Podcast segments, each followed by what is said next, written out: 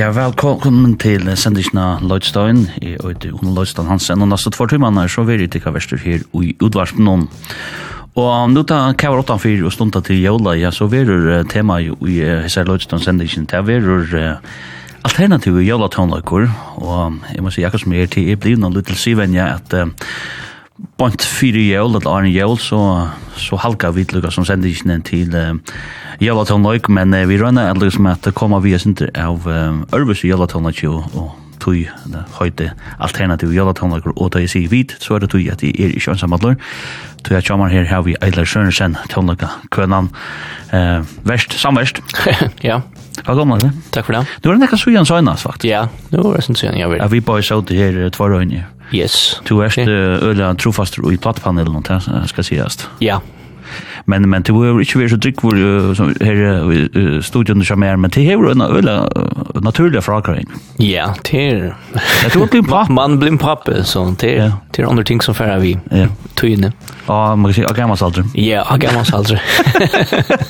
Det var så bättre sånt än någon annan. Ja, det är det. Du, hur ska det gå? Det går gott. Ja. Så nytt och, och nu är det östan till jul och såna här. Det är en dervis kan man säga. Ja, det blir en dervis men ja, och helt överskast man säger tånlaga är så blir mildare tånlaga smakar inte chatta. Nej, det är ju jag har faktiskt inte haft så några tålust det tar. Det är andra ting så. Det är andra ting som, ja. Kom on. Og vi tar jo just det i nekka ferner, altså vi haft det her som en sivenje, alltid det her en fin sivenje, men jeg belt meg selv at vi gjør det til fjørøst, men det sier det gjør du Ja, nei, jeg var ikke i fjør, det er ikke ikke at kommer vi i fjør, så tar du sender ikke som alle, men jeg halte jeg var enn i tver, tror jeg ferner? Ja, hvordan sier? Ja, hvordan sier? Ja, og jeg halte faktisk to år, i jeg husker til at jeg spiller sin alternativ land det er vel mulig. Ja, men altså, hvor heldig du at det er interessant? Det er bare så til høyre ærer i Los Angeles. Ikke det er så med ommater og ommater, altså. Det er det som i Los Angeles man høyre alt samtidene. Man blir nok strøttere dem på en mann, altså. Mhm.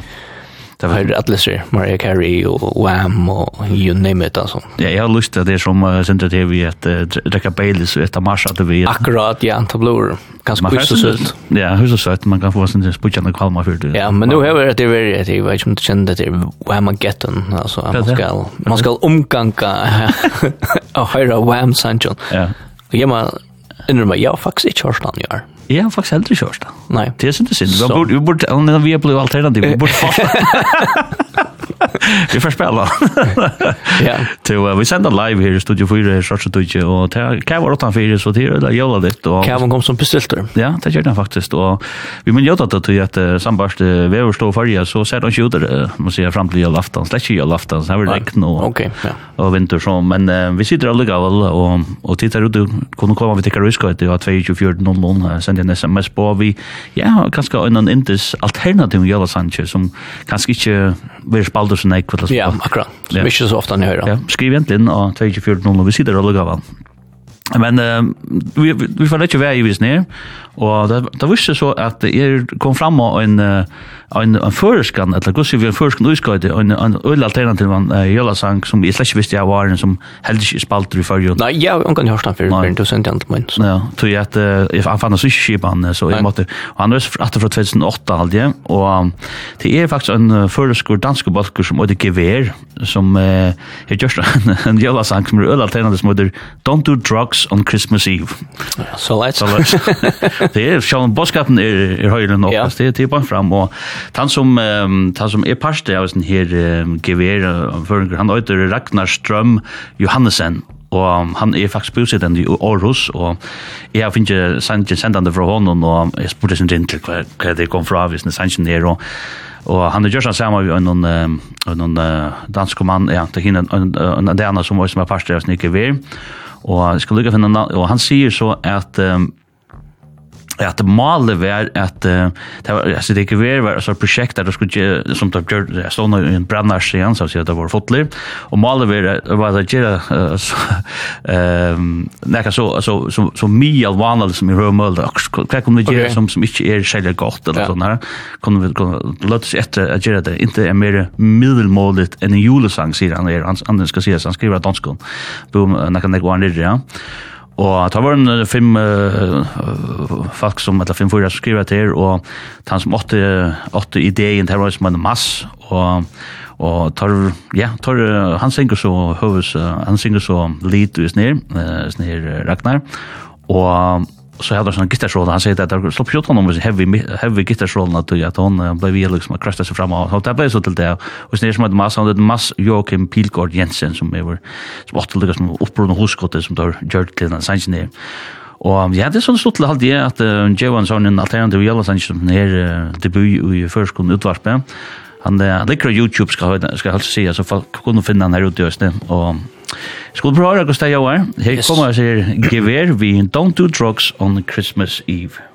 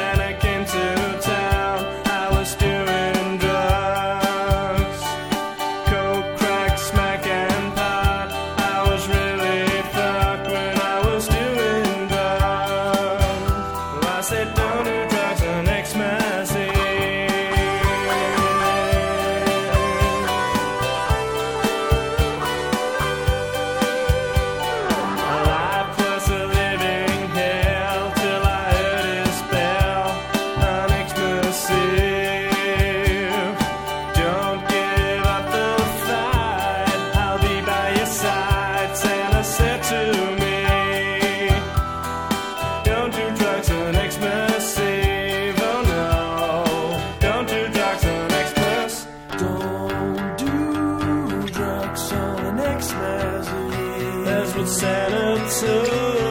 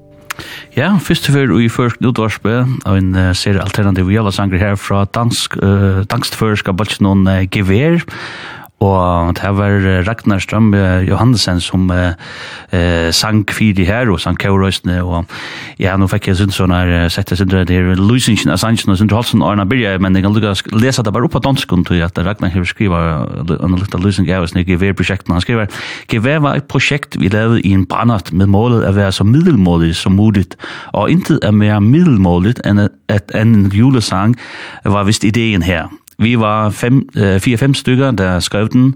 Mads havde viskelettet klar. Jeg synger lidt og en del af korstemmerne. Gitarsolen var en off the rails, fordi gitarristen skulle forestille at være en heavy metal gitarrist, som blev bedt om at tone it down, men aldrig kunne lade være med at spille for hurtigt something like that. Så så vi har aldrig spillet live eller något uh, säger Ragnar her, og ideen oppstod visst nok på Roskilde festival. Okay, så nice, ja. Dåligt. Ja, men uh, nu är vi för såch mat här sätter igång då efter har det her orkestret prosjektet som heter GVR, men visst vi vi for å gå og sier. Hva skal det komme med en jolaplatta nå? og vi sitter her, Eila Sjørensen og jeg, og spiller alternativ av Jalla Sanger her, og vi sender live ur Studio 4 Sørste Tøytje og i havn, og tid er velkomna å skrive inn av 2400 sms på, hvis det her var på på en gøy alternativ av Jalla Sang, og vi da finner jo et, sms på, det er ikke alternativ sms på, mer enn det er noen alternativ av Jalla Sang, og jeg skriver her, du flyter av nossen nå, ha? Ja. ja. Det er ikke vart at det er ikke fyrir, men nok så interessant at det er. Ja, det er jo jo. Eh ja, så det var ett switch, men... men Nej. Men det är så där. Nej, där du ska alltid släppa att pojka en gåan alternativ med Jalsson. Ja, jag vet inte det är så alternativ, men det kostar ju en som rocken 20 blind spelter. Eh 2004 så gav Chris Isaac, han gav en fralika jolaplatt ut som ett Christmas. Här han tolkar gamla jolasanger och skriva en några nutjar själva. Mm Og i fjør tar man ut ved en jolaplåt i Atreat, som either Everybody Knows It's Christmas. Her han faktisk gjør det samme. Han skriver noen gamle jolasanger og tolka gamle jolasanger. Og hette er kanskje mer ivrig i Jim Reeves, eller akkurat der. Han er Vi skulle lukka holdt sige Chris Isaac er en øyna standardne tøvnlistan med yes, og, og, og, ja, og så han live som han var fraligur. Så jeg har alltid også bare høyra Chris, uh, Chris Isaac vi en sanger som heter Rappin' Presents for Myself.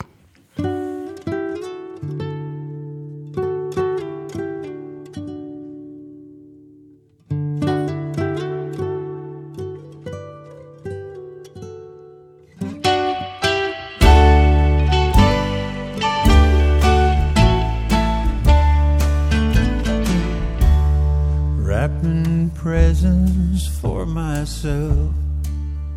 Christmas music doesn't help And I'm wondering Will it always hurt this way? Just another lonely empty holiday. And I wish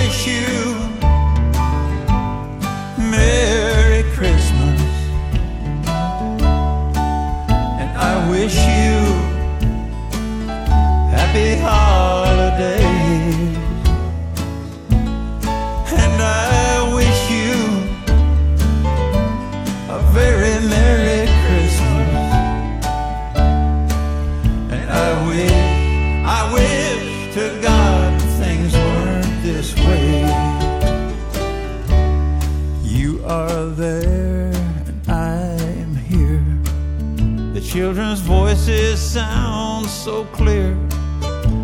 I can hear them in the background while they play.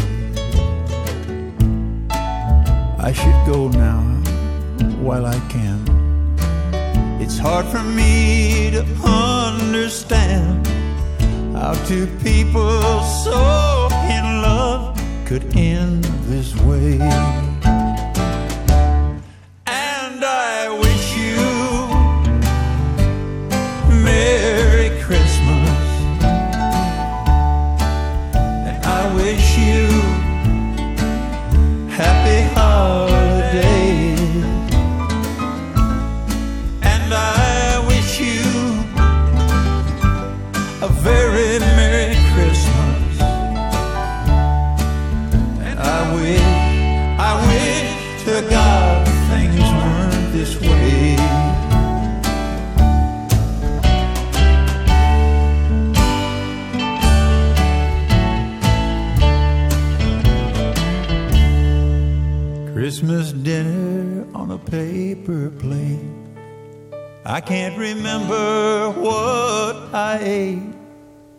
I stayed at home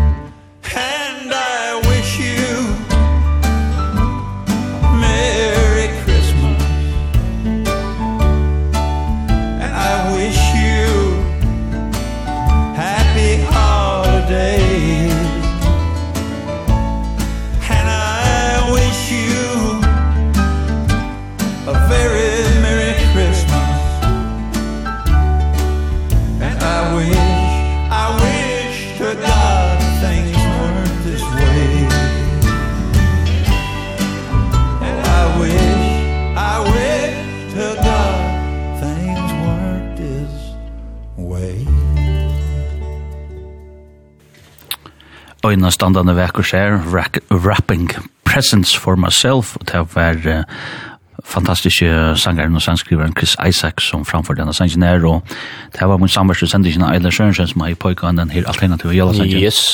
Vi sitter der og sender en live Lloydstein i Studio 4, Sørste i Havn, og temaet er som sagt uh, alternative jæla sanger, og jeg heldig sjåver at uh, du er snart ganske være en øyla, ganske øyla lekkur Mer traditionella julasanger, men yeah. inte ens man hör ofta. Nej. Ja, hon kom ut fyr, så. ja, det känns ju skönt det här.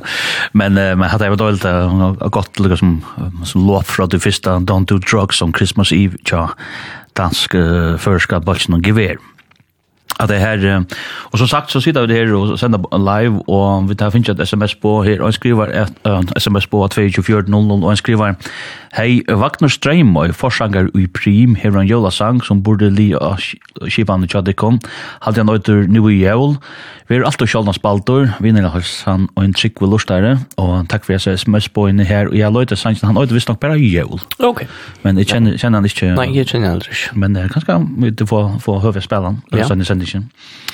Um, jeg har uh, funnet en sang her som uh, nå uh, enda jeg vil sitte oppe det meste av natten og finnes jeg viresen her eldkåsen uh, i Øsland som er øyelig hodtakende som uh, ja, bredde ut i uh, Gjørskvalde klokka 12 og Da enda, enda vi lust etter Øslandsgrunn utvarp, og, og til jeg sa det kjøtt som man börjar liksom at uh, det mest. man blir hørt det kommer for jeg vis, man, man känner kontexten og såna Like. Men her hørte så en, en standard lekka sang uh, som heter Part of Me, som er spilt nuttjør, og til kjønner Avskil Trøysti som uh, synger han, og her han fra hjelp fra en av unge dame som heter Arne Margret, og um, hun er bare 22 år gammel her, og et nytt skjøtteskåter i Islandet, Og til jeg til så gjør han sannsyn her, og til jeg leser litt om sannsyn at de er jo liksom, det er sånn falskene, det er seg av tøymånene, altså også management og sånne kan, men de har ungen arbeidet sammen før, ok, hon er 22 år, hon er 20 gammel, men hon helt den er uh, Arne Margret helt av at det var sin introvert, introvert bei tvei, og, men nå hatt så, så uh, var det så blir prata sammen, og var kom uh, satt som agerende sanginero, og jeg helt sjåre, han var unna standande lekkur, og til sånn jalasangur, og han spilte nødgjøren, kom ut uh, 15. desember, og ja, han gjør sånn her.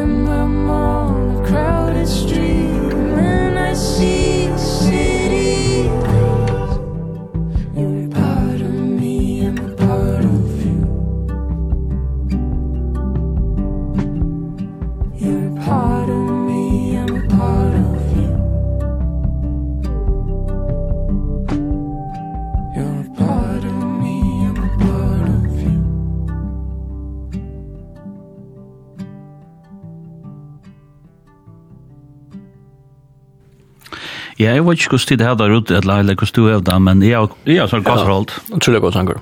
At det var øyla lekkur, så det var stann liksom, reaksjonen som jeg fikk på en av en i Hordan, og den er for midt i natt, og Uh, jeg held selv røsten at her um, jeg kjenner nok så negativ, vi i alternativ om jalotannisken som vi nok til fører fram at uh, du kan slåst at den sannsyn nok alt år. Yes, alt år rundt, takk for det. Jeg prøver ikke at uh, Sean han har nok elementer av jålen nu men men at att han sagt at du kan köra fra nær som helst. Ja, akkurat.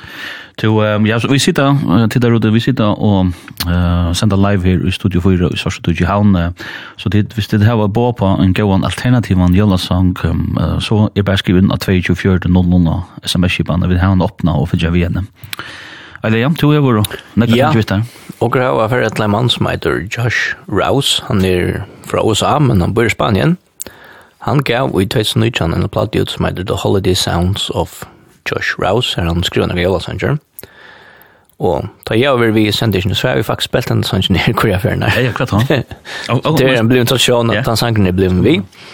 Det er det som gjør den kvir, røst. Ja, og heter en sanger, han handlar om til at Josh Rouse, han faktisk er stranda og i, i Göteborg, i Sverige, og og 24. desember, og til jolasanskene som han høyrer i utvarpen, som gjør at han kommer i jólastemning og føler seg hjemme og så der. Så jeg har alltid til å høre sanskene som heter Christmas Songs.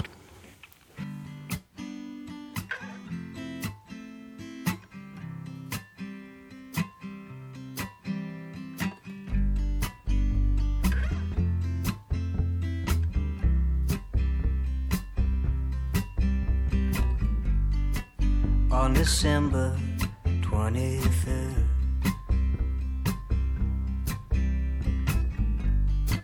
I was stuck in Gothenburg.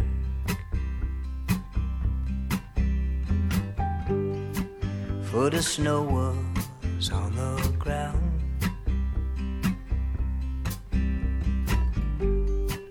From the street I heard the sound.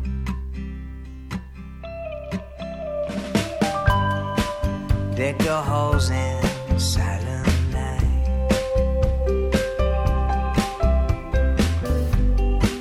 I ran out to see the sight.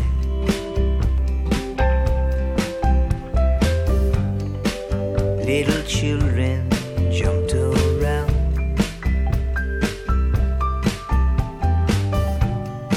To Vince Guaraldi's Charlie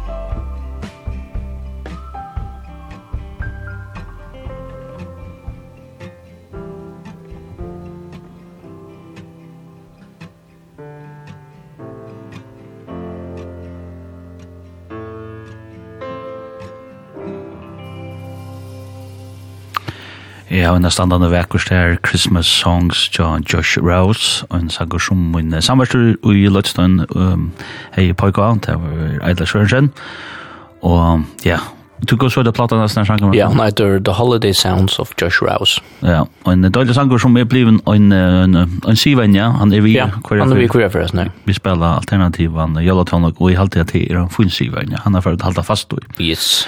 Og nå var det så sånn at ja, stemningen var så mye gøyere sannsyn her, at vi da tendra her hos studien og sånn. Styrinjøs, ja. Styrinjøs er tendra jævla rekreasjonen og alt det høyla, og det er kvitt åtta fire, så ja, det er ikke fri enn det her. Jeg halte at jeg var løtt han, nå er det bare helver for det ja.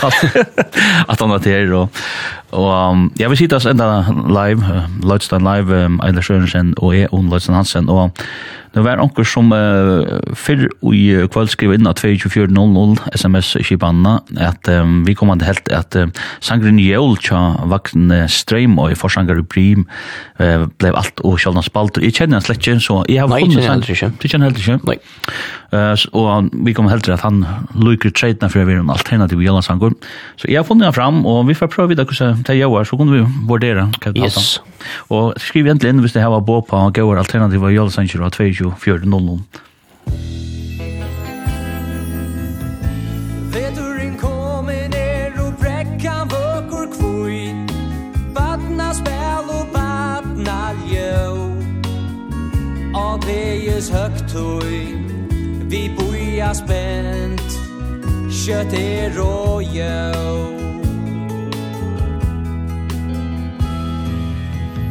Og i høyd og ståvån er her høyra vid. Om frelsaran og i kropp og lam. Om jöla trän Vid sinja frö. Vid halda jöl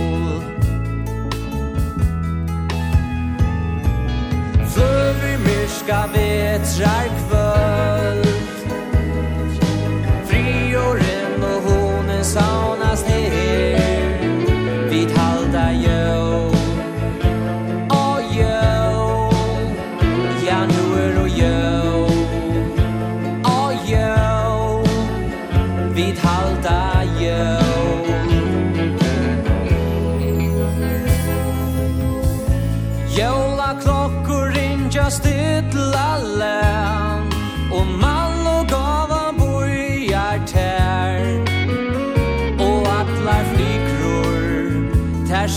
att tær at nu er royal.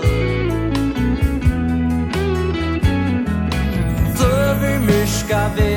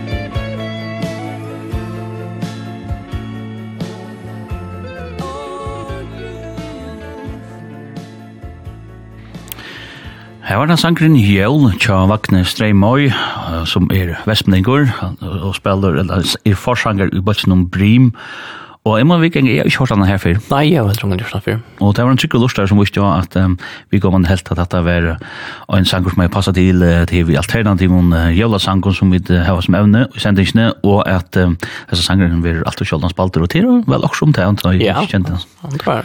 Och så bara det typiska Jollasånger. Nej, och så bara kan bli mer en som är nog kände för spela Beatles sanger, va? I halt. Ja, i halt den. Har spelat i såna Cavern club i Liverpool och halt det görs mycket väl då blue bit att komma åt allt.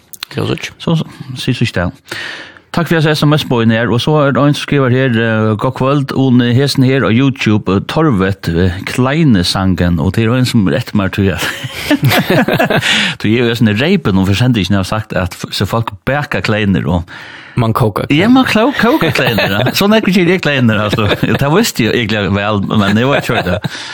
Det var en sån brain fart som man säger. Ja, yeah. men man, man kokar, ja, man kokar kleiner och, och för, så att säga, man damat lite kleiner. No, okej, okay. jag damat gott kleiner. Ja, det är inte några fan. Nej. Men så är det visst imisk.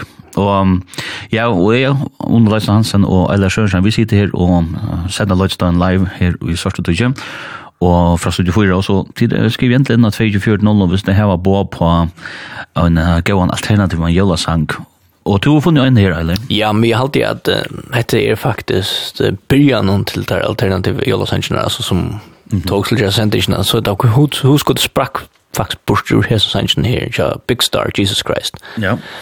Han er av til tre platene, ja, Big Star, og han er faktisk midt av platene, og til sånn alternative alfjerser rockmusikker, og så knappt så er han jolasanger midt i nye, men du hører det ikke til en jolasanger, men Båskapen er at Jesus Kristus var født av jorden. Det er faktisk det som, som Alex Chilton synger om om man som mener det eller han synger det ironiskt här vet jeg så men det är faktiskt en fralig rocksanger och en fralig jallasanger så jag håller bare. ja och du kan lycka fortelle folk det Big Star till han synder säljer balkor han ligger sån en fraliger dokumentar ja en dokumentar ligger han ligger Netflix jeg vet inte man är som heter Nothing Can Hurt Me ja. och til Big Star var en sån balkor som um, där gjorde trutja plater i och fjärsnon som inte säljde mm -hmm.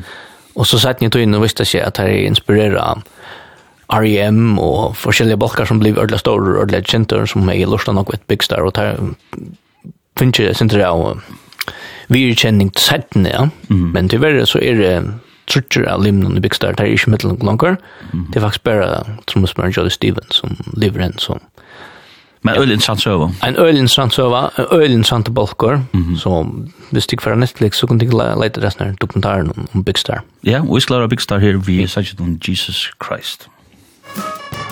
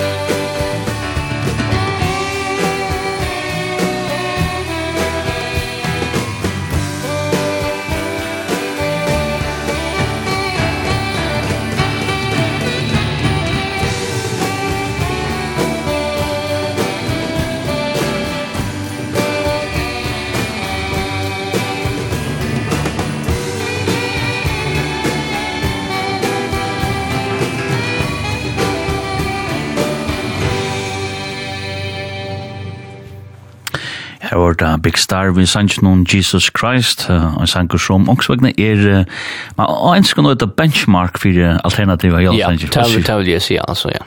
Hvor sier du hessa kjendisene og og kvart jeg kvar platta vers nær från Han har det tre plattor i Big Star som bara var nämnt third. Third. Ja. Uh, og en øyla over balker som vi nevnte oss, og hvis folk dømte at her, så bare for å tjekke det ut. Og, ja, vi får sms på inn her av 24.00, vi sitter allukka og sender live, og han skriver her, Velkommen hem, vi EMD til Svengst, og Du er det så nekva okkara kære som kommer heim til jævla. Takk fyrir til bæske og vikommande. Og sjálf takk, jeg har lust av sannsyn og Spotify, men jeg finner at du er ikke kipa tjokkene. Så er velkommen hem vi EMD, men um, hei var ulja. Ja. Lekker han er jo 22 millioner spelningar. Så ok, ja, jeg skjer. Fyrir en svenska sang vant til. Onker skriver Smashing Pumpkins, Christmas Time. Ja. Mm jag kan ikke minnes det som jag kan inte göra sagt men han tar må man sjekke ut vi måste finne. Og han sier det som Bon Jovi vi Christmas song her. Ja, takk for det, og skriv endelig inn hvis det her var på på gøyre alternativ og jølasanger nå tar vi det her var det som tema i sendingene, eller Sørensen og og er Onløst Hansen, og ja, jeg, jeg får takke en sang her som jeg, jeg kom fram av. Um, jeg vet ikke om han denne her uh, Bøltjen 8-10 han Øyder Star. Kjenner du han? Jeg halte det en rockbokker fra fjersen ja. i USA, ikke sant? Jo, altså jeg kom fram og i samband med at jeg har løyt etter alternativ med Jalasankon, jeg halte det var i fjør, da jeg okay, sitter ja. sammen. Bare on, on top of my head, jeg halte at Stars, tar blir rockne som, tar slår at det er nødvendig Aerosmith, men ja. tar slå jo omgang til junglen. Var det så, så gale? Ja, hvis jeg, hvis jeg minns rett. ja, det, ja, det, er, det er en kanadisk indie-pop rockbalkur. Ok, så det er slett det släckte sig. Första som du också. Nej, släckte i rör. Det är från 2000 er det og... Og um, ja, og det er også gjørst den her uh, Jelasange som, uh, som jeg kom fram og nok snakket til, vel det er det ofta som man liker å rødas rundt, og så ofte er det Spotify som spiller en sang, så kommer nok anna som du kanskje ikke er i um, Rockna Vi. Og jeg får bare spille den her som heter Christmas Anyway.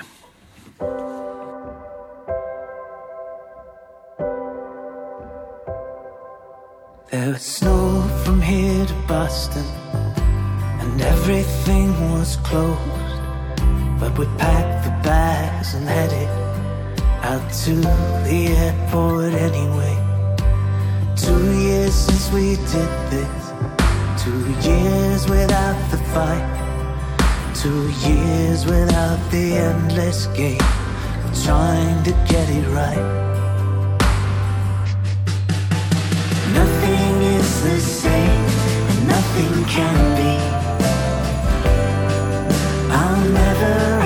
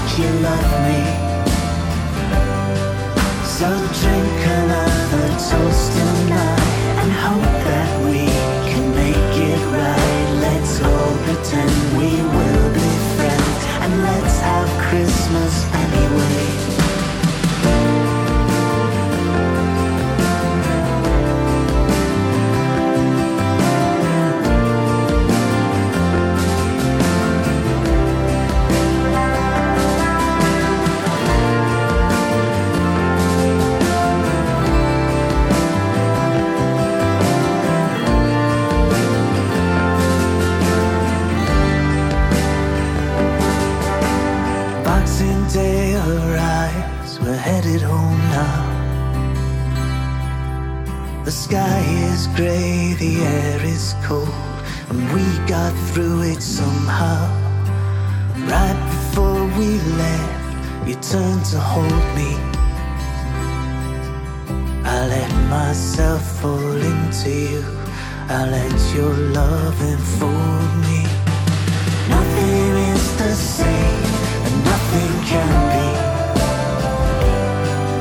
I'll never understand you understand me But when it's late on Christmas night And you turn out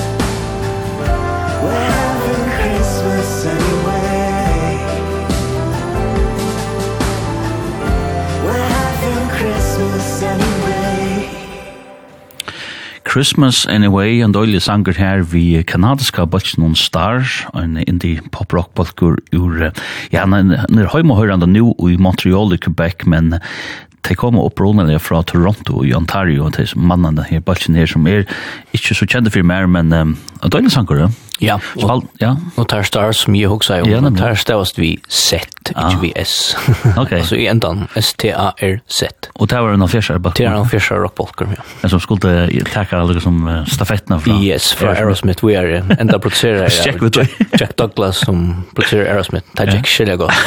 Og det ser så är det kan lova att använda. Det ständer att det har major influence on bands such as Motley Crue, Poison, Bon Jovi och Twisted Sister. Schalt om det är schalt näga. Så. Det kan switch. Men det att sån ting kommer att ta fram. Ja.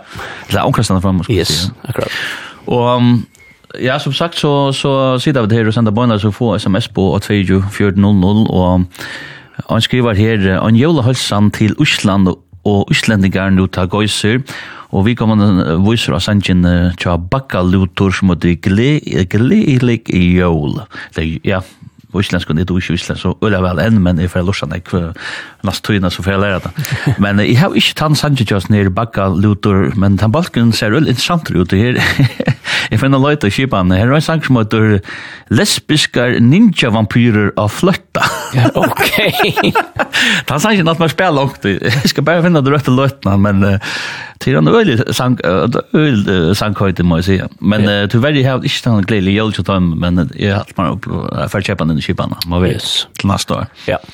Men uh, han nämnde för i kväll och så ska vinna 2400. Men nämnde nämligen ehm Christmas Christmas time, ja, Smashing Mountains, ja. Ja, og jeg må si ærlig, jeg kjennes ikke vi enda. Nei, men han liker i kibane, og vi tar og lagt han klaran, og vi har også hatt et par prøv. Yes, hva er? Ja.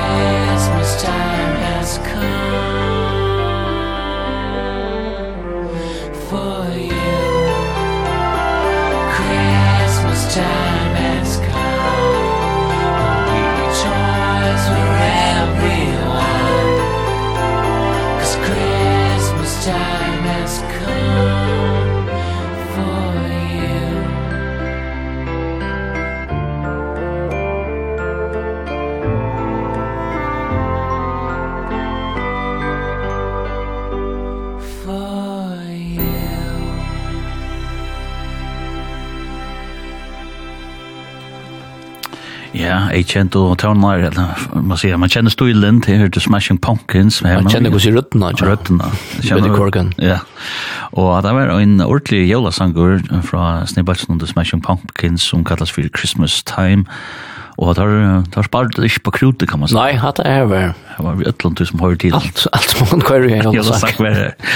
Fantastisk. Og Og sier det, Eilers Sørensen og jeg, og spiller alt det når man gjør at han løg, og det kommer, ja, det kommer han ikke sms på inn vi boven på alternativar Sanchez av 2400 og en skriver jeg kvett vid King Diamond og Jellasanger No Presents for Christmas. Godt nok alternativ skriver. King Diamond så blod alternativt. ja, vi må få vite om vi kunne finne han og. Ja, og så kanskje vi kunne spille han Og så skriver han i norsk og DTE har en franlika jølaplåte som du har spalt inn fire frelsunar herren. Det er jo som et øyelig godt, man sier, enda maltar har jeg gjørst av fire. Og jeg har vært inne i løyta, og jeg finner akkur sanger til DDE i Kibanen, men tar her, så tror jeg ikke nekka vi jævla Nå er det at det alternativ, og en av rompa mi, jeg vet ikke hva det rompa, jeg vet ikke det, jeg vet ikke rett. Men, men takk for det, boyen, jeg må borde finne akkur sånne jævla sanger til DDE inne i Kibanen, tror jeg det er lusta sindrum, det er absolutt uh, hundalikt og godt. Men um, eller hva er du at uh, ja. ja, du nå? Skulle jeg svære til Dr. Dog. Ja. Det er en alternativ rockbalker eller Det spiller noen sånn folkaton like alltid nå. Et eller annet neo psykedelia. Så er det fra Philadelphia, Pennsylvania i USA. Og tar av givet tver jola period som uh, en 2013 som heter Oh My Christmas Tree.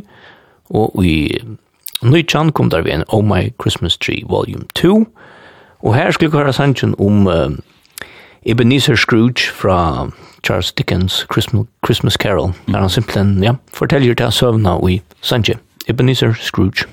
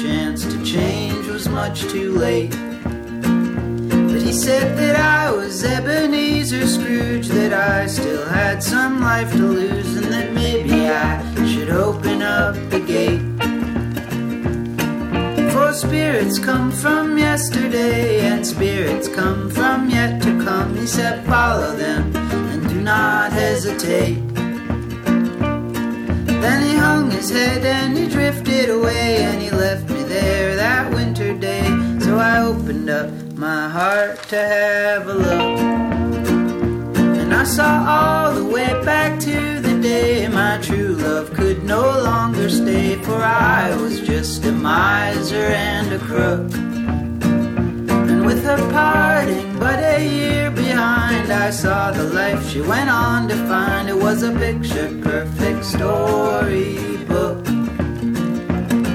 And it made me cry as my buckles shook oh my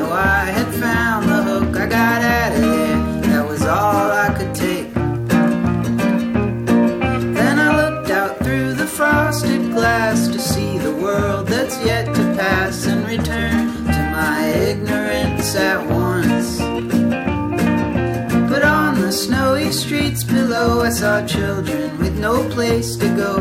Forgotten in the cold winter morn.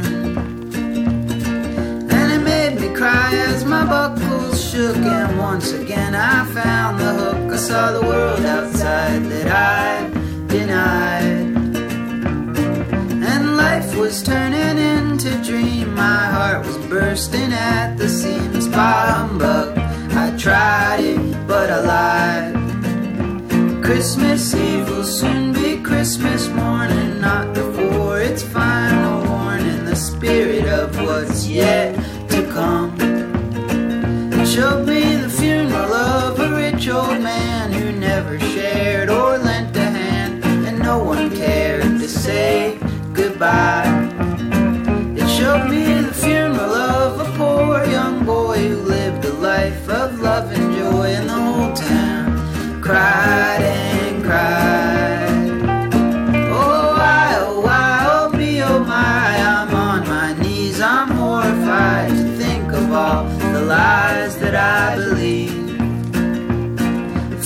all my wealth and all my cloud There's so much I have gone without. Forgive me, oh mercy me. As sure as I am here to say As sure as this is Christmas Day Redemption is my guarantee. So I made my pledge, I took my place among the ones that live in grace with love and generosity.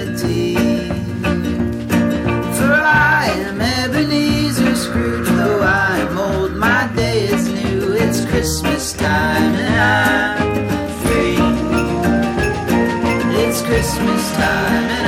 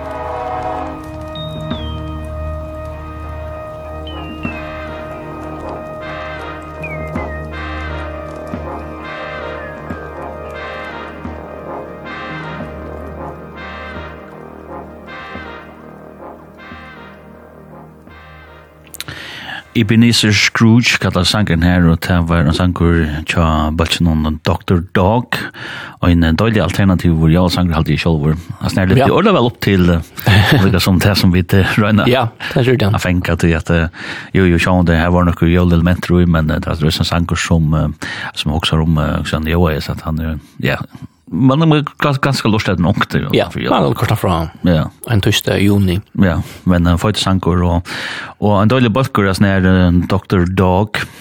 Alt, ja. två år han var ferdig for å spille, må si Ja, Jeg har alltid spelat sånne folkatal. Folkatal, ja.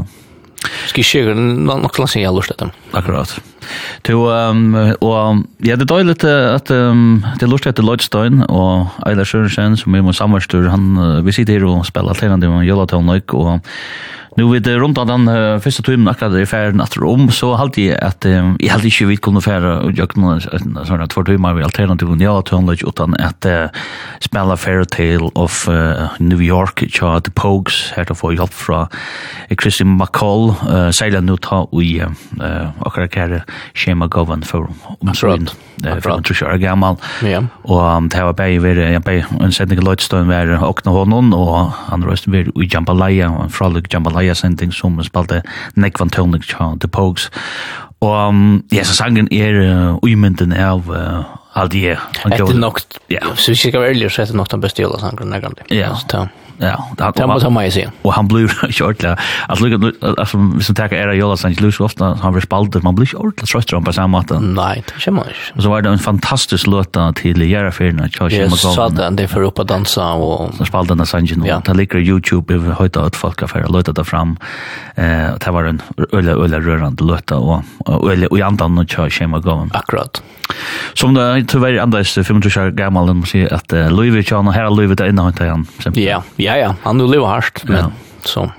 Till det han han men han har lagt en nekvetse og, och var öle stor fakna och störst fakna och nu tar han för en sån och vi skal höra det här och det stod det aldrig han lutade så knut sen ner till det att han som heter Christy McCall som synker vi och och Sanchez och hon. Ehm det där kom kommer kjenne Shema Govan og the Pogues, det var vi Sanchez det var framfor den her Dirty Old Town. Ja. Och det är også en sanger som som The Dubliners har spalt inn. Han som skriver han, han heter Ewan McCall, han var så pappe. Pappe Christy McCall. Ja. Og hon er eisende deg. Hon er eisende deg, ja. Han døg en vannlukke i ja. Mexico, han ble silt nyr av en ja. rykmann. Ja. Simpelthen silt han nyr. Simpelthen. Han ble en rettarsak. Ja.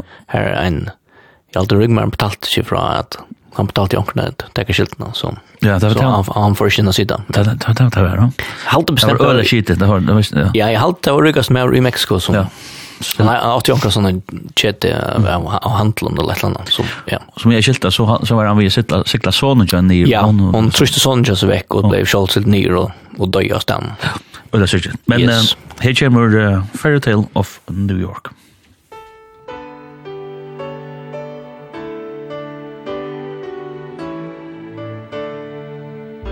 It was Christmas Eve drunk tank. An old man said to me Won't see another one. And then he sang a song. The rare old mountain dew. I turned my face away And dreamed about you. Got lucky one Came in eighteen to one I've got a feeling This year's for me and you So happy Christmas. I love you baby I can see a better time.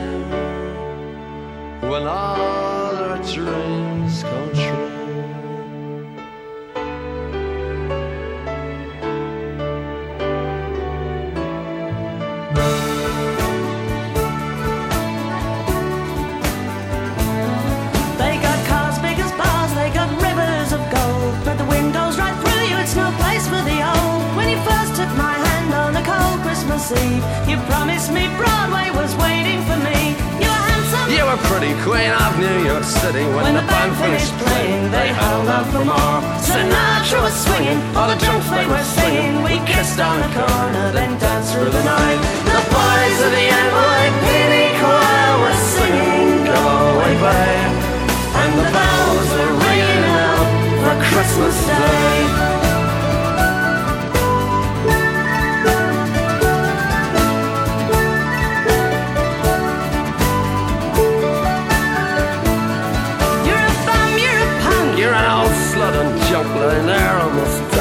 dripping that bud. You scumbag, you maggot, cheap, cheap, lousy faggot Happy Christmas, you're ours, I pray God, it's our love. The boys of the NYPD chorus Still singing, go and play And the bells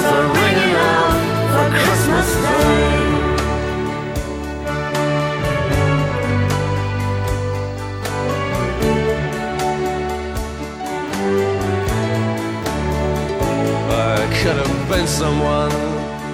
Well, so could anyone. You took my dreams from me When I first found you. I kept them with me, babe. I put them with my own. Can't make it all alone. I built my dreams around you. The boys of the NYPD chorus still singing away And the bells are ringing out for Christmas Day.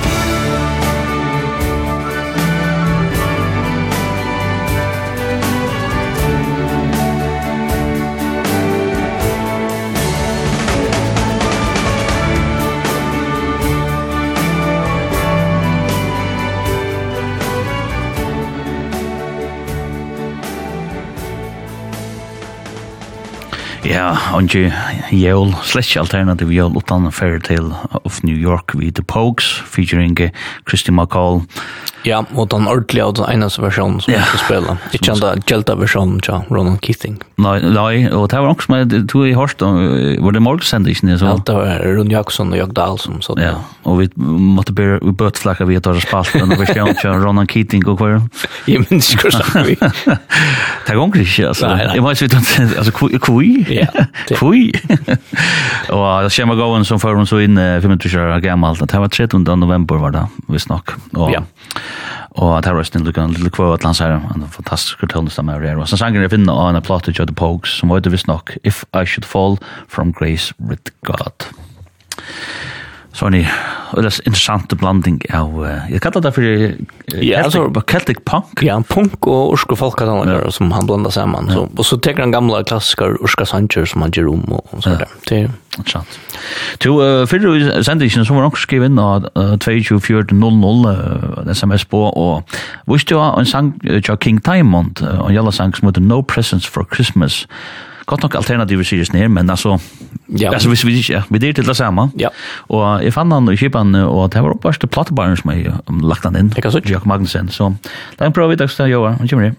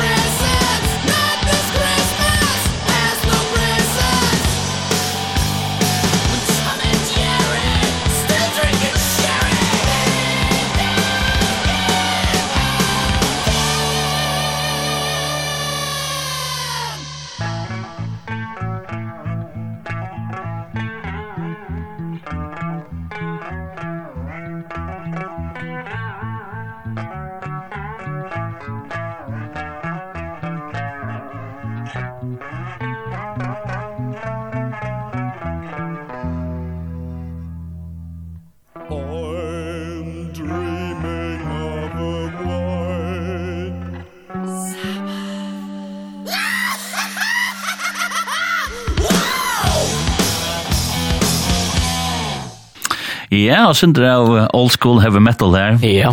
Her var det King Diamond vi No Presents for Christmas, og man sanger var fra 1945 av rockna fram til. Ja, men jeg legger det fram i Wikipedia, sindre at det er en single som 1945. Ja.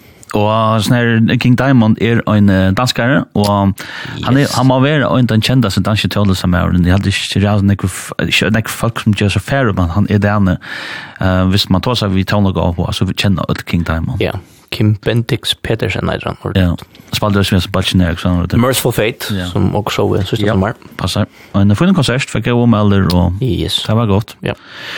Så jeg sender av Old School Heavy her um, fra King Diamond, og det var en som jeg skrev inn av 2400, et sms på, og, og viste han det her sannsyn sannsjoner, og jeg skriver noen andre her, og det er sender vi samme, i samme, i samme bolkede, som danskar sier, nå tar vi ta som den denne, Nightwish Walking in the Air, er også på på en alternativ av en jævla sang, Nightwish er en fingst heavy orkestra. Ja, yeah. ja. Yeah.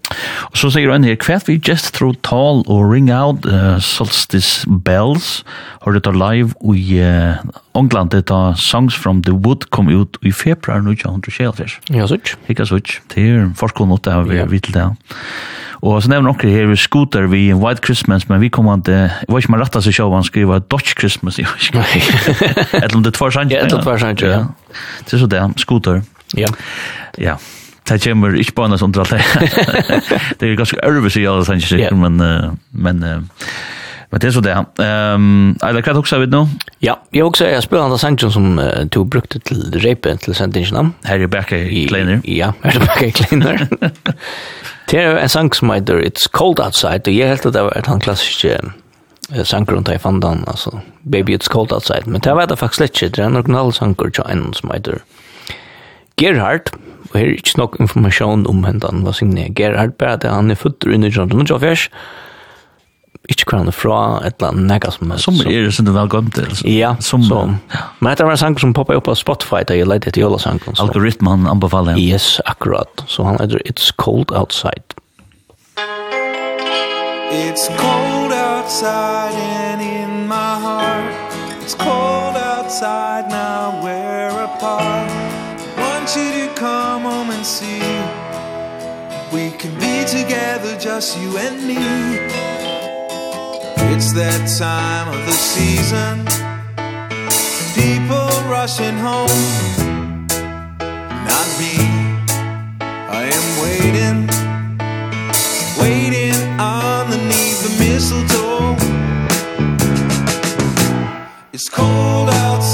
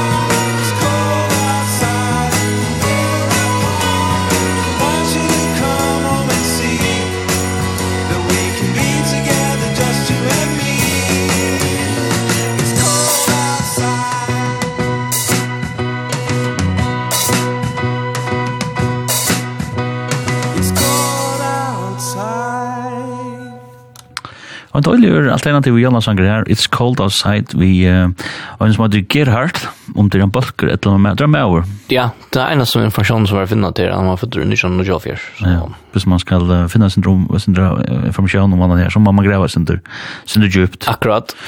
Og um, er det to hever under en rikve av uh, alternativ Sanger vi i kjøttene, og to atler også spiller inn her, Ja, heter en som jag helt ikke vet så noe om. heter är en som poppar opp og de var förlägget i Los Angeles som kommer ner. Ja. Heter en som heter Tom Heinl. Heinl? Ja, han er amerikanare. Han er jo faktisk bare givet en platt ut i 2003 som heter With Me or Without Me. Mm -hmm. Så, og her har han en sang, en sån jolasang som um, her han er nok så oheldigere her, Han sitter eld och jolatsäger. og sangen heter Christmas Tree on Fire. Well, the Christmas tree's on fire.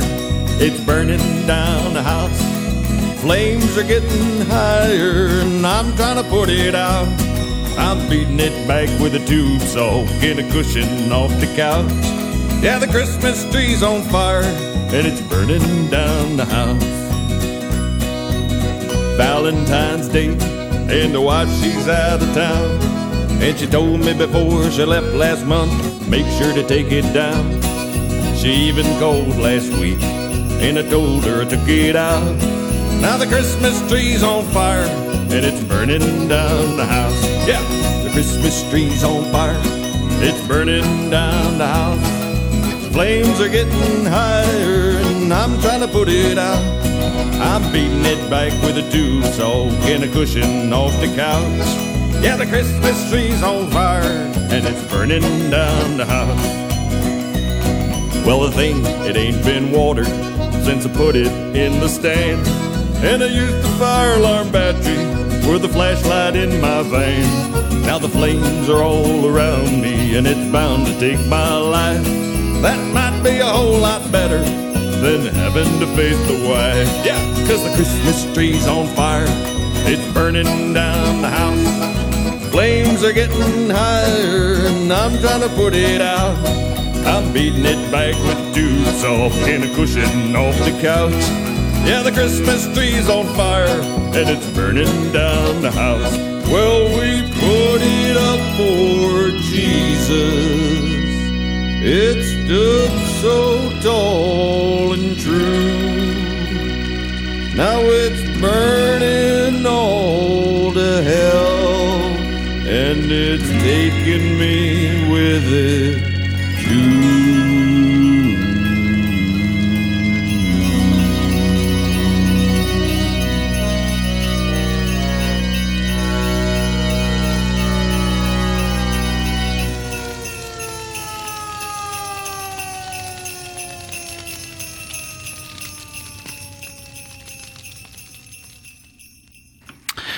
Ja, hatta var faktisk, eller vet faktiskt faktiskt. Han finns anker faktiskt.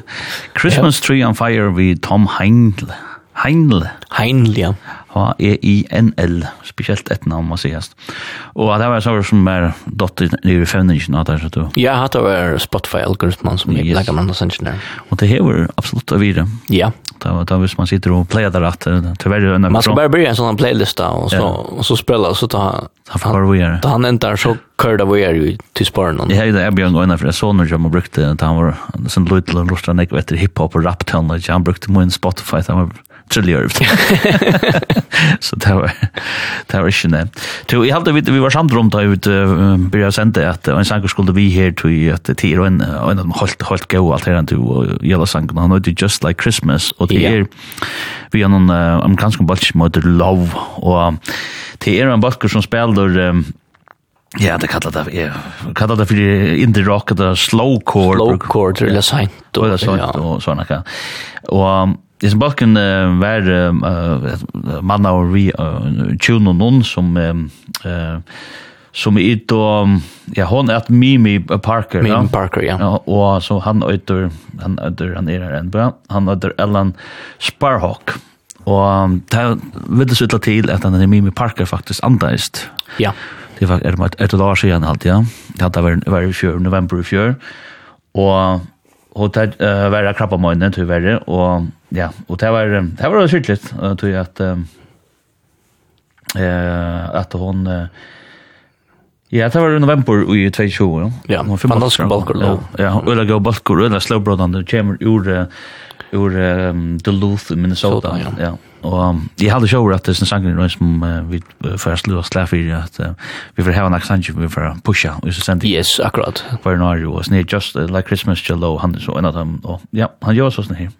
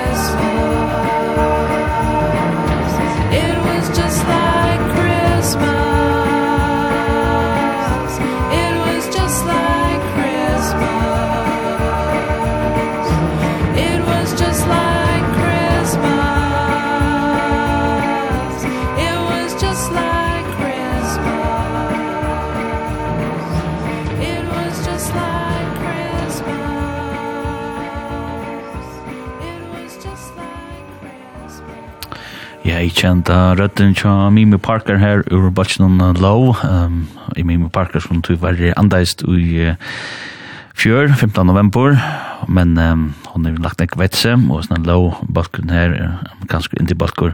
Just Like Christmas kallar sangren, og jeg halte at her, og en av dem holdt gau og alternativ og jola sangren som finnast. Ja, han er en plate, eller en EP som low gav ut i 1925, som heit bare Christmas. Här Little tolkar med landa Silent Night och Little Drummer Boy och sånt.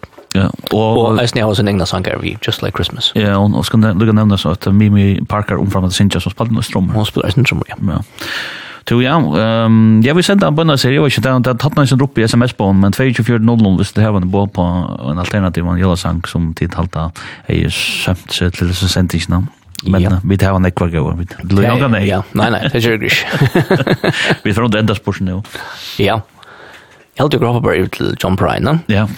John Prine var med oss som sikst at han elskar jól så nok, vet han er jolatri oppe. Alt er det Så. det er også menn som har det. så han tog det omgang nye, det ble bare standard i hjørnen noen nære. Ja. Men han er reisende ju i en jolablad ut som heter John Prine Christmas. Ja. Her han reisende tolkar klassiska jolasanger og hun skriver sin regne. Og her er en sangra som heter Silent Silent Night all day long. Ja, ja. og skal lukka holdt så si at, at det er for Pola Corona. Ja, Corona gjør det vi John Prine i 20, så. Ja.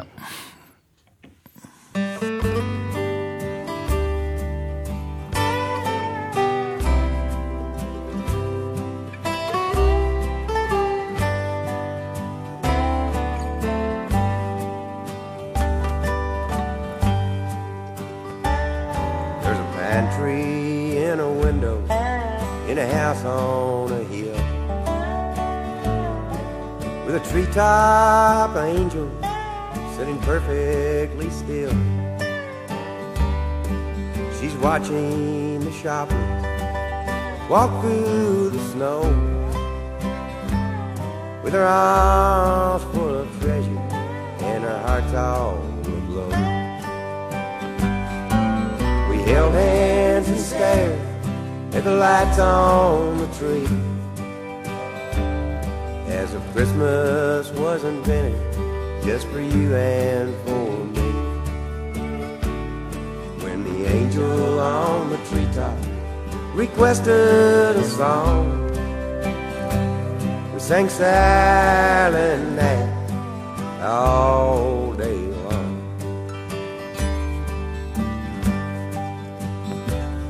There's a family that's gathering In some living room. Dinner on the table That's been cooking since noon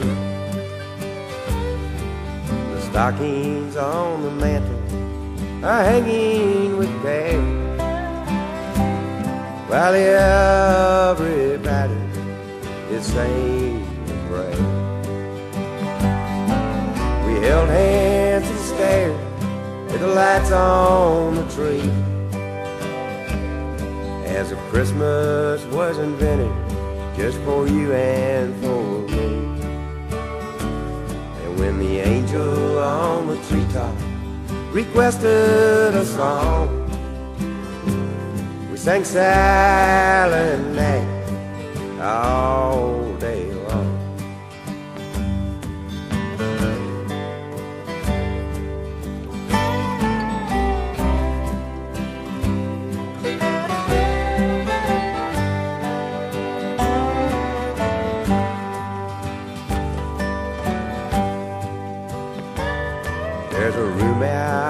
some way with a woman in a chair.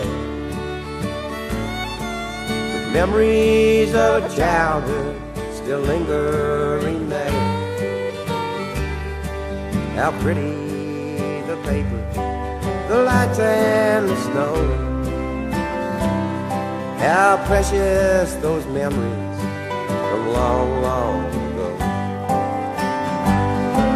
We held hands and stared and the lights on the tree. As if Christmas was invented just for you and for me. And when the angel on the treetop requested a song We sang silent night all day long. When the angel on the treetop requested a song We sang silent night all day long John Prine, John Prine Ja, yeah. halt halt anna standande gott uh, Silent Night All Day Long og en uh, så sakna sakna og sangskrivar og sangar. Absolutt, absolutt. Som anda is to very yeah. um, corona tok uh, Louis av uh, John Prine. Ikkje tog han vær Han var sjukur, han har haft krabba mein og ja. hälsan tjon var ikke det bästa. Kan man säga John Prine, alltså, han nästan är finns ju mer av ikänning att han har döj. 100 procent, 100 procent i alle folk. Börjar litt märslan at han har färden. Så. Ja. Nog så typiskt. Ja. Ja, hatt er nok så typiskt. Ja. ja, vi har haft, haft høyla sendingar om folk som har akkurat, akkurat. vi kjent for en dag i ferden om søyn. Og en annan standard er jo jeg sangrasne her, og Eh, vi där finns ju SMS på uh, 2400. Han skriver en uh, God bless us everyone just Celine Dion. Det alternativa vi sen sanns er at Dee Snyder ur Twisted Sister har här han. Celine visste hei ikke anes annars at Dee Snyder har här han. Sangren sendte til å ha selt 14 millioner antøk, og de øyer öll ratten til sangen. Lever more than many hours of sangen. Det sangen har selt more än we're not kunde ta det och allt det här. Til nu det sista spelar sangen hade var bare en side note skriver vi kommande. Ja, Han han går så. Han går så. Ja. Man får ordra först att så jo. Så en page of your normal SMS bo om visst det har att bo på en gå en alternativ jag sang eller vad det ska vara. Ja, det här som mitt är tema chocken och vi dock så att ta en um, ja, hvis man husker alternativan uh, townlike, uh, indie pop rock townlike, så er LCD Sound System og et av de nøvnene man sjølv kommer utan om. Yes. Og LCD Sound System hever en Yellow sang som heter Christmas Will Break Your Heart, og ja, han gjør så sånn her.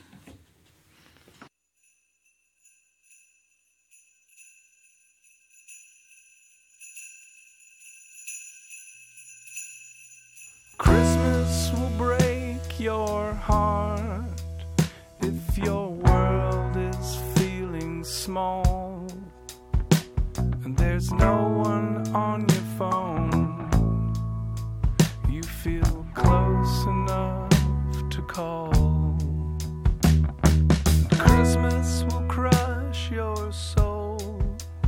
like that laid back rock and roll. But your body's getting old. It's much too tired to be so bold. Christmas can wreck your head Like some listless awkward sex. So you refuse to leave your bed. checks. Yeah, Christmas will break your heart Like the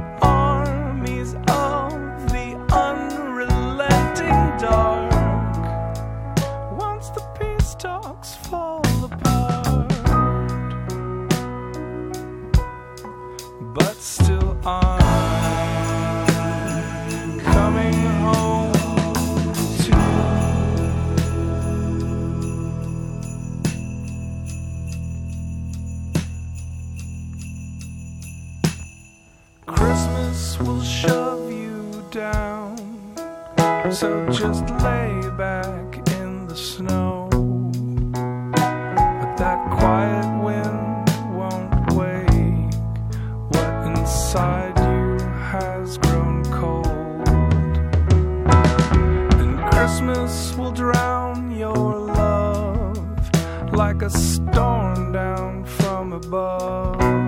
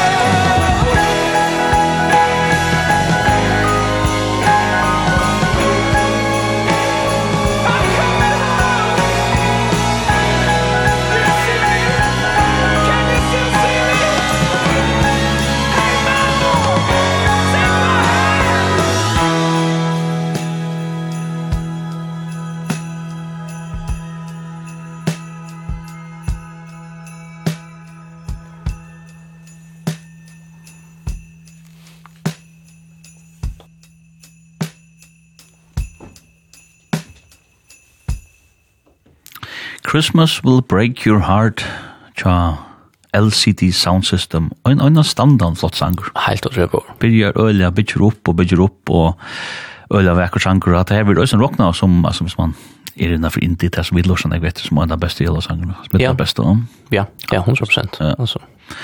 Og ja, som sagt, vi, da, vi sitter her og sender live Eila Sjørensen, og jeg sender Lodstein, vi og en tema som er alternativ vår jøla tonlager, og han skriver inn her av 24.00 at god kveld til Bayer, var det ikke om jøla løgn til Rob Halford kom under alternativ av jøla tonlager, men mer ikke er, er så i øtlen førum.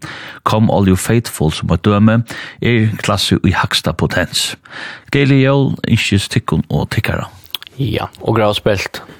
Um, Omkring jævla sang, omkring ikke Rob Halford. Ja, minst. Uh, og kom Come all you. Ja. Nej, kom all you. Oh, come you Emmanuel. Ah, ja, det var han, ja. Ja. Winter Songs alltid där där jag på den jag Rob Alford. Ja, så hon är minst rätt. Ja, hon är väl ska ner i chokladen också. Ja, det är bra. Så jag måste det 24.00 äntligen. Kommer jag kan uh, uppskjuta. Ja. Ja, eller du är rätt. Ja, ja, men hända stottliga eh, algoritmen av Spotify och kommer upp i artisten som man känner nägat att här om. Och man finner, man finner inte om där helt. Alltså, det är, vi där blandat oss ändå vi att, att vi tar såna klassiker som, eller klassiker som sen som också de rullar väl, att den har jolla sanger. Och så blandar vi helt nödvändigt. då. Ja. Och det sista kommer 100 000 sanger ut av Spotify kvar det. Åh, ja. Det är ju skett, ja. Men heter en som uh, tar i blir i den playlisten mm. uh, som du, så sätter jag samman så lörsta jag och så pappa en nytt sjanker og och en nytt sjanker. Ja. och heter en som Kim Gray, här ständer inte om man och Spotify, sangren er Santa Knows I've Been Bad, og han er spilt over 40.000 fyrir av Spotify, og til den mest, best spilte sangren tja, mm -hmm. is near Kim Gray. Mm. Men jeg aldri er en fralegger alternativ rock jolasanger som heter Santa Knows I've Been Bad.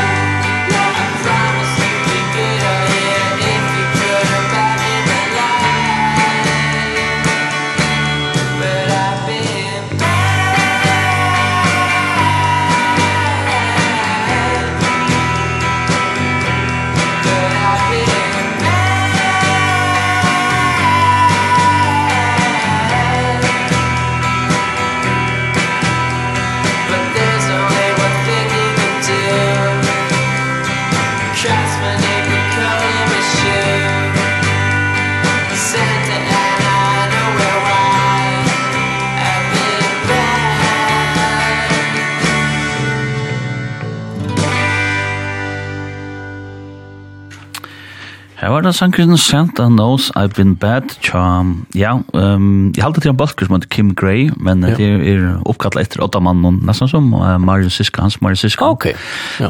Um, du fann alt det kjøtt? Ja, jeg, jeg fann okkur, jeg måtte greva øyla djupt, det er en kanadier, han er ur Vancouver, han er Trevor Kim Gray, og Dran som er åtta med i balken her som heter Kim Gray. Um, Eh, kanskje er det også Øystein Solde-prosjektet, jeg vet ikke, det er ofte som man ser på det. Ja, akkurat. Marisiska er jo en balkur, ja. skal man, skal man uh, hukse om. Men um, vi funnet så det av det at det her, han er ur Kanada. Ja, så nu hatt det vært i stille vi Big Star, Jesus Christ. Ja. Så. En, en dårlig sang faktisk. Ja, jo, faktisk er det godt. Ja, så. Sier du ikke det, at Spotify-algoritmen kan nokkurst? Ja, hun kan nokkurst. Jeg skriver inn av 24.00, kanskje ikke akkurat tikkere stoler, men hesen er kvarsfalt festlig år og teksten alternativår. Englebarn, Uffe Holm, featuring Holly. Uffe Holm, komiker, no? Jeg vet ikke, det var nokkur. Ok. Ja, det er det. Ja. Så ja, du er vår ja, lejna ända upp her. En som gjelder så noe etter for døgn er en med oss som heter Coil Gorelli, som ju är av fralika platt i UTR. Og eller Donald i Tannestad. Yes, han er sangskriver. Sangskriver, ja. ja.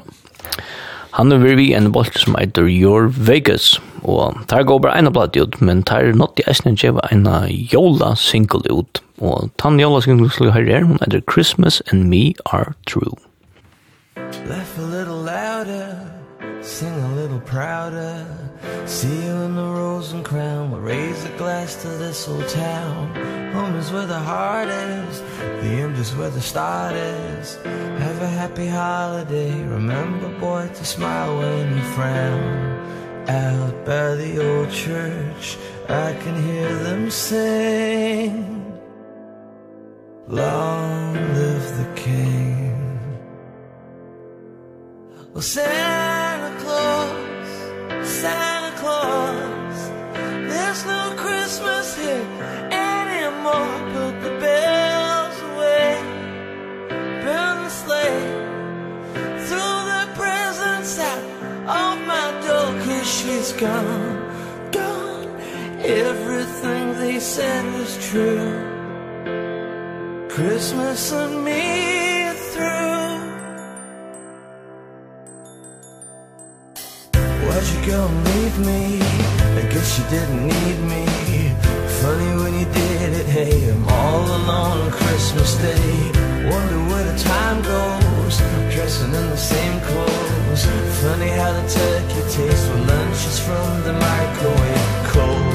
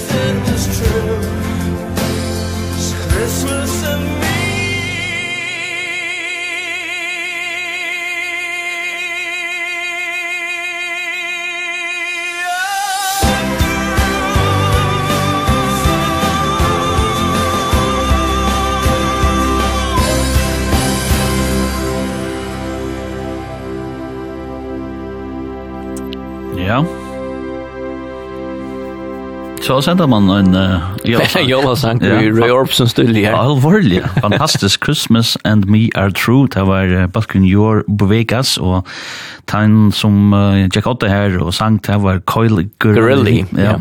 Og en Donald Lyr, enskur sangar og sangskrivare. Yes. Var han i Liverpool, var det det? Nei, han var fra Leeds. Leeds var det, så yeah. ja. Og um, han røsne som sangskriver som skriver fire rettelig kjenda balkar, no? Ja, Ja. Skriver sån K-pop balkar. Ja, K-pop balkar mm. och där heartbeats allt det de kända sanger som man skriver. Ja. Men i så jag bara inte tar det sen där. Tullia vi alltid. Sangren givna ut 20 januari 2008. Okej, okay, 20 januari. Det är ju alternativ för kommer att han har jobb med en jävla sanns. Det är ju en tan tan man säger till Luca Trade när för över vi här. Till um vi att att Noah sen det men också skriver att att 24.00 att Jule på Västerbro vi Anders Mattesen Kongaren, han er en gausankur, jolasankur, det er fantastisk, han hever en sånn jolarød som man har yeah. hørt for nekken år siden, men hon er helt en standard gau, det er nesten som Jakob Vei, det kan bare... Det hon er desto til. Jul på Vesterbro, og det er en kjente sankur, så i så måte er han ikke alternativ, men teksten er avgjørs alternativ, det er helt sikkert, kan han vimmelast denne røyen i Jul på Vesterbro. Um, jeg har lagt en sang her som er helt alternativ alternativ, Bonnie Prince Billy, han er gos alternativ, og han um, Han får hjelp fra øyner som er Don McCarthy her, og vi har en sanger som heter Christmas Eve Can Kill You, og til, er, ja, til sko sier. Jeg visste ikke ut i veldig det dunnen i fakten som man etter, så det kan absolutt, det kan absolutt ikke løy av det. Så la meg prøve å høre hvordan jeg gjør det. Her kommer han til på vi Christmas Eve Can Kill You.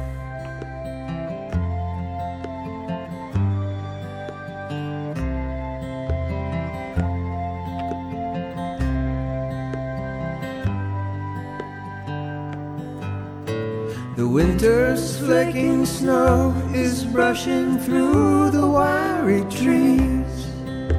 I stuff my hands down deep inside my coat. I think of years ago and half remembered Christmas trees And faces that still warm me with their glow. cold and empty evening hangs around me like a ghost. I listen to my footsteps in the snow. The sound of one man walking through the snow can break your heart. And stopping doesn't help so on I go. And the Christmas Eve can kill you When you're trying to hitch a ride to anywhere. The icy air I'm breathing's all that keeps me on my feet. I feel like I've been walking all my life. A car goes running by The man don't even turn his head. Guess he's busy being Santa Claus tonight. The saddest part of all is knowing if I switch with him I'd leave him stumbling ragged by the road. I'd ride that highway to the arms of my sweet family And forget about the stranger in the cold. And Christmas Eve can kill you When you're trying to hitch a ride to anywhere. And as I walk I'm singing myself. Oh, silent night. Hoping I can save those other souls. Oh, God, forgive the man That drives right by the other man. Take pity on the stranger in the corner. Cause Christmas Eve can kill you When you're trying to hitch a ride To anywhere.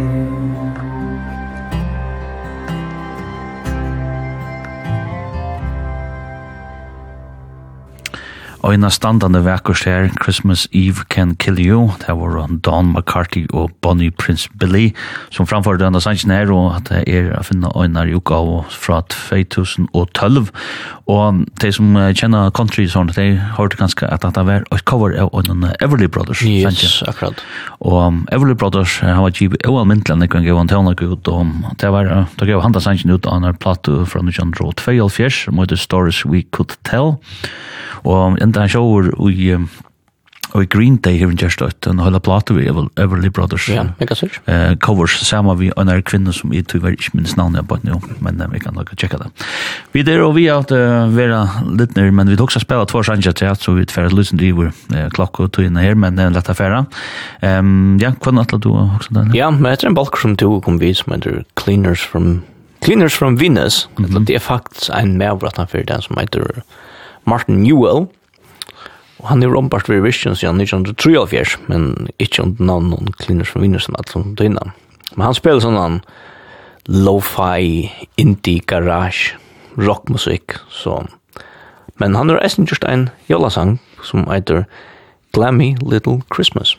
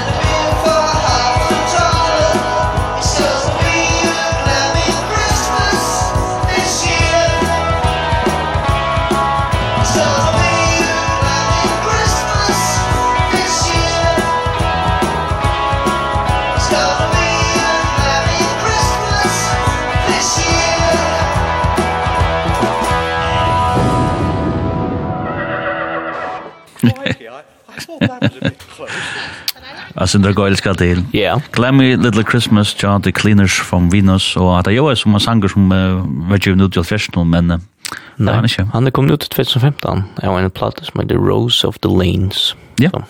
Intressant, men, yeah. men det hørtes av Mauren hei som uh, var gråfester uh, tonlistallig i Asjers. Ja, han tar senter han var tru av fyrst var vi en glambalker som heter Plod. Ja.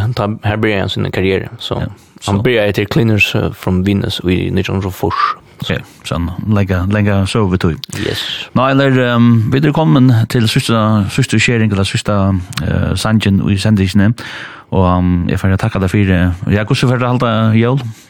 Det er vel... På den vanliga maten här han. Ja, men det var den på den vanliga maten. Ja, vanliga maten nu, ja. Du er det blir familj med hon nu. Ja, ja. Det vet du inte vad det för. Det glömde jag. Ja. Så det var inte speciellt. Ja, det var speciellt. Det var det första julen i Barstad. Ja, och det glädde kom. Yes, av Orlando. Och så han det för en gång för att omvälningar i huset. Omvälningar så jag läser mig inte att komma när än, men han ska nog komma. Tvalt det näka och tydligt, ja. Det att det här jag får inte att glädje och lås nu. Tack som läs. Att tunna läs nu. Jo, takk for det. Og vi vil atter på at nå nødgjør vi en uh, sending vi alternativa tøvnagaren. Yes, akkurat. Ja. Så har vi atter telt i annan, annan januar, ja. Annan januar. Og um, jeg tror jeg har valgt, um, jeg skulle si Øystein at den sendingen vil enda sendt uh, faktisk i morgen, til at høsten vil den større tunnelstaden til Sandingon. Ok. Uh, det er Sandøyengon, man sier ja. ikke Sandingon som blir etter fredag, men uh, Sandøyengon, og um, som var sendt i morgen fra klokken 8 til 3. Det kan sikkert. Og um, jeg først lette ut av hjemme synet til kringvart noen, som er kvf.fo framskak Lloydstein, og hun kommer også ut av Spotify. Men to er pojka, det sørste sangen. Ja, det er kanskje ikke en jolasanger som så, men det er long december. Det er kanskje december man jo vil, og er jo kanskje vil, langt for nok, og december man jo vil langt for nok. Men det er om at uh, neste år så ta, tar vi alt godt. Det er faktisk Counting Crows som går igjen, da sangen ut i 1906-1905 alltid det var. Mhm. -hmm. Av platen Recovering Satellites. Og det er kanskje hitja fram med tøyna og sier at at han ikke har det, har godt. Ja. Yeah. Og da, ja, Åsne, godt nødja? Jo, takk for det.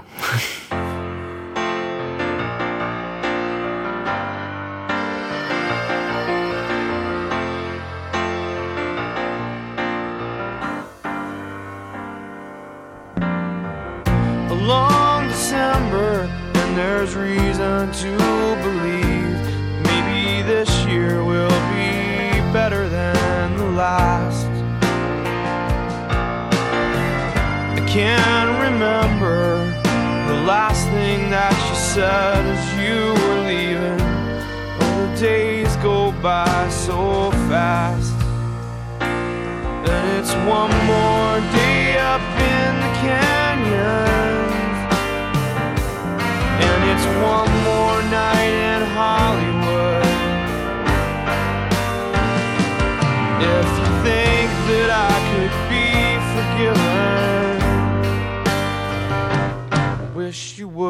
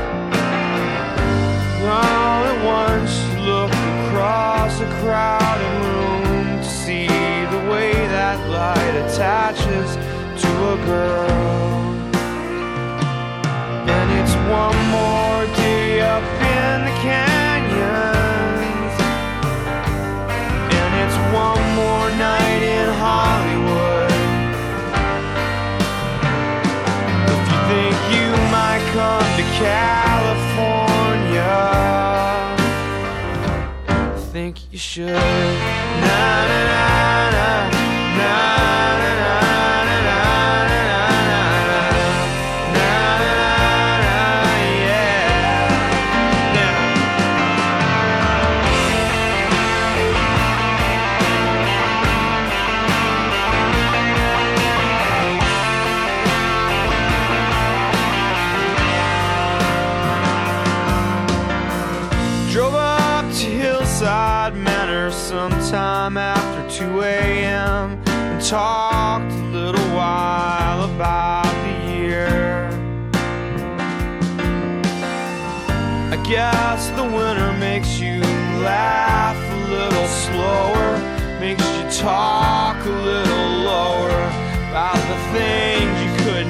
show her and it's been a long December and there's reason to believe maybe this year will be better than last.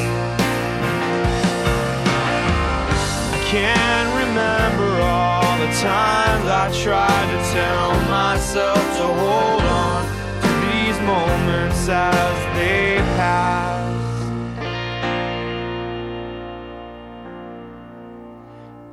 One more day up in the canyon. And it's one more night in Hollywood. And it's been so long since I've seen the ocean I guess I should. Night